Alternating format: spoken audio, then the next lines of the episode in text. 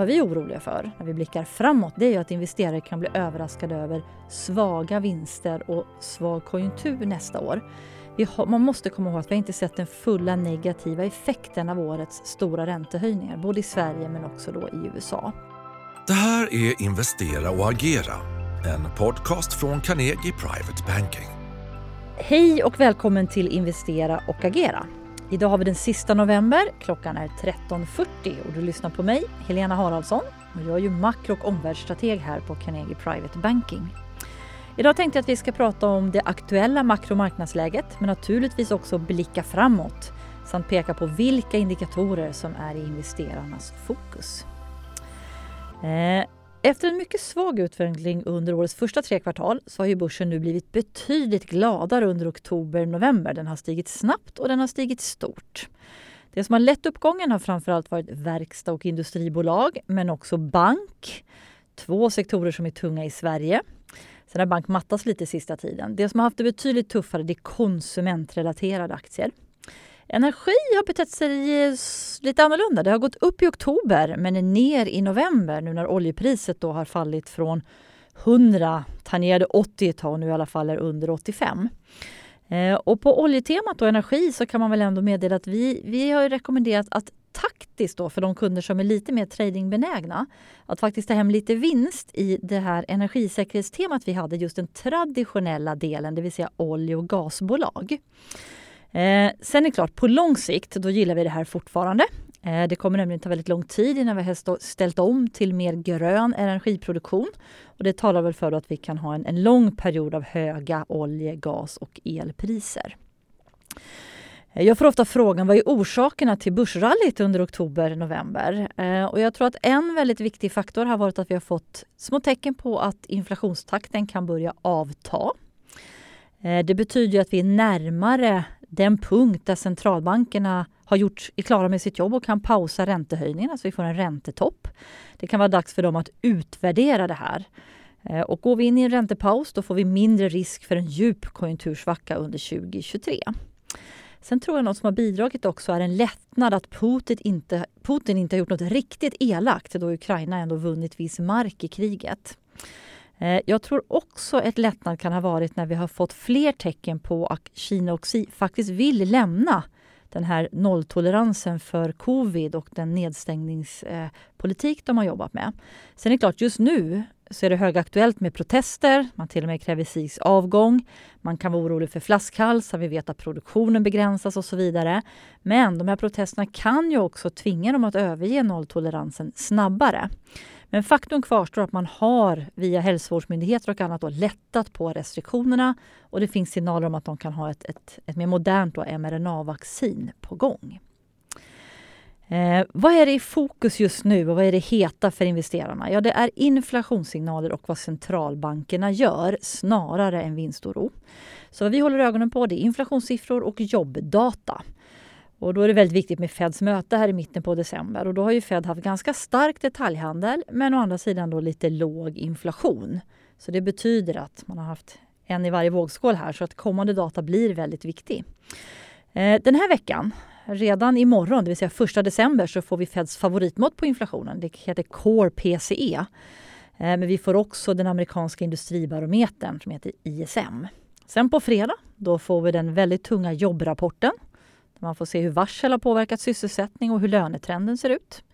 Sen när vi närmar oss med mitten på månaden, då kommer det vanliga inflationsmåttet, det vi kallar för KPI, konsumentprisindex. Och det var ju den siffran då som för oktober var så överraskande låg. Och skulle den bli låg igen, då kommer man ju kunna tro att inflationen, kanske takten i nedgången blir lite snabbare än vad man tidigare har trott. Sen den 14, det är då själva räntemötet äger rum. Då får vi dels nya räntenivån. Marknaden tror 4,50 från dagens 4. Men vi får också centralbankens prognoser för inflation och konjunkturen nästa år och varje ledamots räntebana. Får vi se hur oeniga de är. Dagen efter får man väl ändå nämna, då har Europeiska centralbanken ECB möte. Och idag så skrevs det mycket om på nyhetsskärmarna hur inflationen äntligen blev lägre. Den är ju nu bara inom citationstecken 10 procent, det är en jättehög siffra. Men jag tittar mycket på underliggande inflation och tar vi bort energi och mat, då var det ingen topp då steg faktiskt inflationen ytterligare eh, upp mot strax över 6,5 procent. Vad kan man säga om alla de här datumen och siffrorna? Jo, att jag tror att svaga, så låga siffror både på inflation och barometrar är bra. För då behöver Fed inte höja så mycket och då blir risken för en djup recession inte så stor. Men som sagt var, även om inflationen har toppat så är fokus på med vilken takt den faller ner. Och här kan man väl bara berätta då att många tror att det är lätt med, med vart inflationen ska ta vägen, men det är inte det. Därför att vi har haft en period med flaskhalsar, vi har haft ett krig och vi har en energikris globalt. Och bara för att illustrera det här så kan man titta lite på vad den svenska konjunkturbarometern som är färsk från igår gav för inflationssignaler. Och då är det dels att de flesta sektorers prisindex, alltså index för försäljningspriserna, är mycket höga trots att efterfrågan och orderingången blir svagare. Samtidigt då om man blickar framåt så har man väldigt höga lagernivåer och det kan ju tala för mer rea och fler rabatter. Så slutsatsen blir väl då att inflationen har toppat i USA men ännu inte riktigt då om vi ser på underliggande trender i Europa och Sverige. Eh, och räknar man bort energi så steg ju svenska priserna nästan en hel procent bara under oktober jämfört med september. Och I årstakt var inflationen ändå 8 då exklusive energi. Eh, och I USA där finns det en del experter som tror att inflationen ska gå ner mot 3 i slutet av 2023 och andra tror att den ligger så högt som 4,5. En del tror att Fed stannar vid decembers räntehöjning på 4,5. Andra tror att de höjer kanske upp mot 5,5 eller ännu mer. Sen finns det en del som är rädda för recession. Men det har också börjat dyka upp de som är rädda för att det inte blir en recession utan att inflationen därmed kan fortsätta ligga på en väldigt hög nivå. Så jag tror att det öppnar lite dörren det här. Då. Om ekonomer är oeniga så finns det så sannolikhet att Fed kan vara lite oeniga och så får vi se hur marknaden tolkar det där i mitten av december. Men vi måste blicka framåt till 2023 eh, och då har ni hört mig beskriva vår syn många gånger tidigare. Och det är ju det att även om vi nu ser en lugnare utveckling på inflation och räntor och det är jätteviktigt för börsen. Den här upptrenden som har pressat börserna här är nu bruten. Så det talar för att vi har en mindre dyster syn på börsen, alltså lite mer positiv. Men vad vi är oroliga för när vi blickar framåt då, lite längre än här och nu och det här året, det är ju att investerare kan bli överraskade över svaga vinster och svag konjunktur nästa år. Har, man måste komma ihåg att vi inte sett den fulla negativa effekten av årets stora räntehöjningar, både i Sverige men också då i USA. Det här leder oss till att vi inte tror att det här är början på en varaktig börsuppgång, det rally vi har sett här nu under oktober-november. Vi tror att börsen kan fortsätta vara lite nervös och vad då många skulle kalla att vi tror att det här är ett rally i en bärmarknad.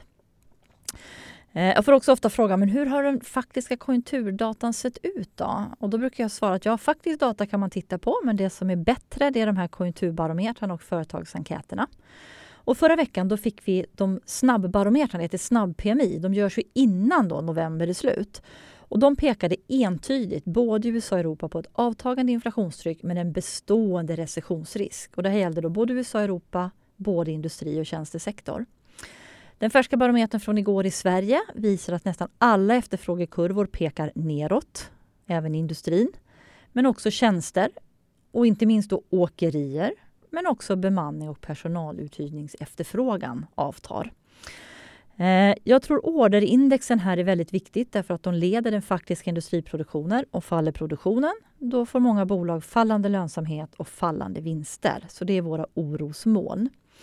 Sen måste man väl ändå nämna att det lite positiva här i Sverige var att hushållen blev mindre försiktiga, mindre pessimistiska då de inte har fått så dyra elräkningar. Men de är ju fortfarande i ett historiskt perspektiv rekordbekymrade.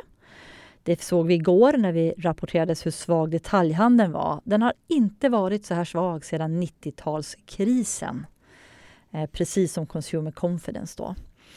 Eh, och oron hos oss är ju lite då att om man nu under året har tagit lite av sitt sparande som man fick under pandemin, om du då kanske väntar lite fler varsel och sämre arbetsmarknad och att vi också då till slut har normaliserat konsumtionsmönstren, dels från pandemin men också nu när vi blivit så glada efter att det har öppnat upp så kanske det lätt blir lite tristare nästa år både för konsumenterna i USA, Europa och Sverige.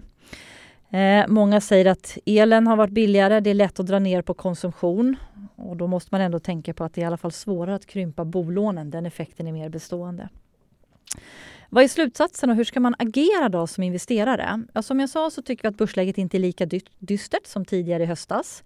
Den tekniska bilden är inte lika negativ. Räntoron har minskat. Å andra sidan då när börsen har gått upp och vinstprognoserna sänkts så är ju värderingen återigen lite högre. Eh, men det vi är oroliga för det är de historiska sambanden som då pekar på en stor risk för vinst och marginalbesvikelse och att det kan bli ett orosmoln när vi går in i nästa år.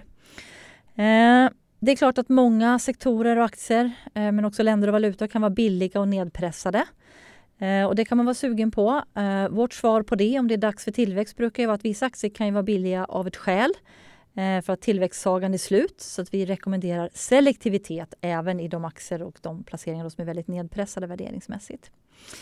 Eh, vi märker från kunder ett stort intresse för ränteplaceringar och vi håller med om att de är mer intressanta. Vi har haft ett unikt stor nedgång i ränteplaceringar under året och nu har vi då högre, mer attraktiva räntenivåer.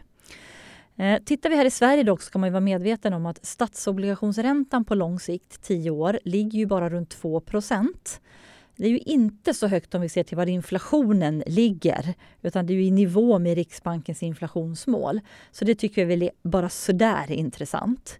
Om man däremot går till företagsobligationer och är beredd att ta lite mer risk ja då kan man få 4-6 och då kanske man i alla fall på sikt bevarar sin köpkraft och får en viss positiv real avkastning. Eh, och många fonders och företagsobligationsfonders avkastning ser ju nu attraktivare ut, det är utan tvekan så. Enskilda obligationsinnehav ger ju dessutom då kunderna kuponger, alltså lite likt aktieutdelning. Eh, och sen är det fortfarande en lite illikvid marknad som naturligtvis öppnar för väldigt spännande då ingångslägen. Eh, vad vi ser nu, med hälsning från vårt eh, räntedesk, handlarbordet, är att när det gäller tryggare företagsobligationer, det vi kallar för investment grade, då har vi nu sett emissioner faktiskt av lite tryggare emittenter till fast ränta. Där man då kan få en avkastningsnivå som man tidigare bara fick om man var beredd att ta risken i mer mindre fastighetsbolag. Så samma avkastning till lite tryggare bolag då som står bakom obligationerna. När det gäller mer riskfyllda företagsobligationer, det vi kallar för high yield, så är vi väldigt selektiva. Man måste titta på nummer ett, skuldsättningen i bolaget, men nummer två, ägarbilden. Eh, med en oro för recession så finns det också en konkursrisk. Då. Och sen ska man väl också nämna då att är man professionell investerare så är det ju väldigt attraktivt med placeringar i private debt och liknande fonder. Eh, tack för att du har lyssnat. Eh, du som kund hittar ju som vanligt mer djupdykande innehåll på Carnegie online. Eh, och där ligger nu bland annat då två nya seminarier eh, med expertkollegor Dels vår hälsovårdsanalytiker Erik Hultgård som listar våra favoritaktier och topics inom den sektorn. Men också vår eminenta skattejurist Sara Sad som går igenom det heta ämnet hur ska man tänka kring sitt ISK-sparande. Väl mött nästa gång! Är du intresserad av topprankad aktieanalys och unika investeringsmöjligheter? Gå då in på carnegie.se privatebanking och lär dig mer om vad du får som private banking-kund hos oss.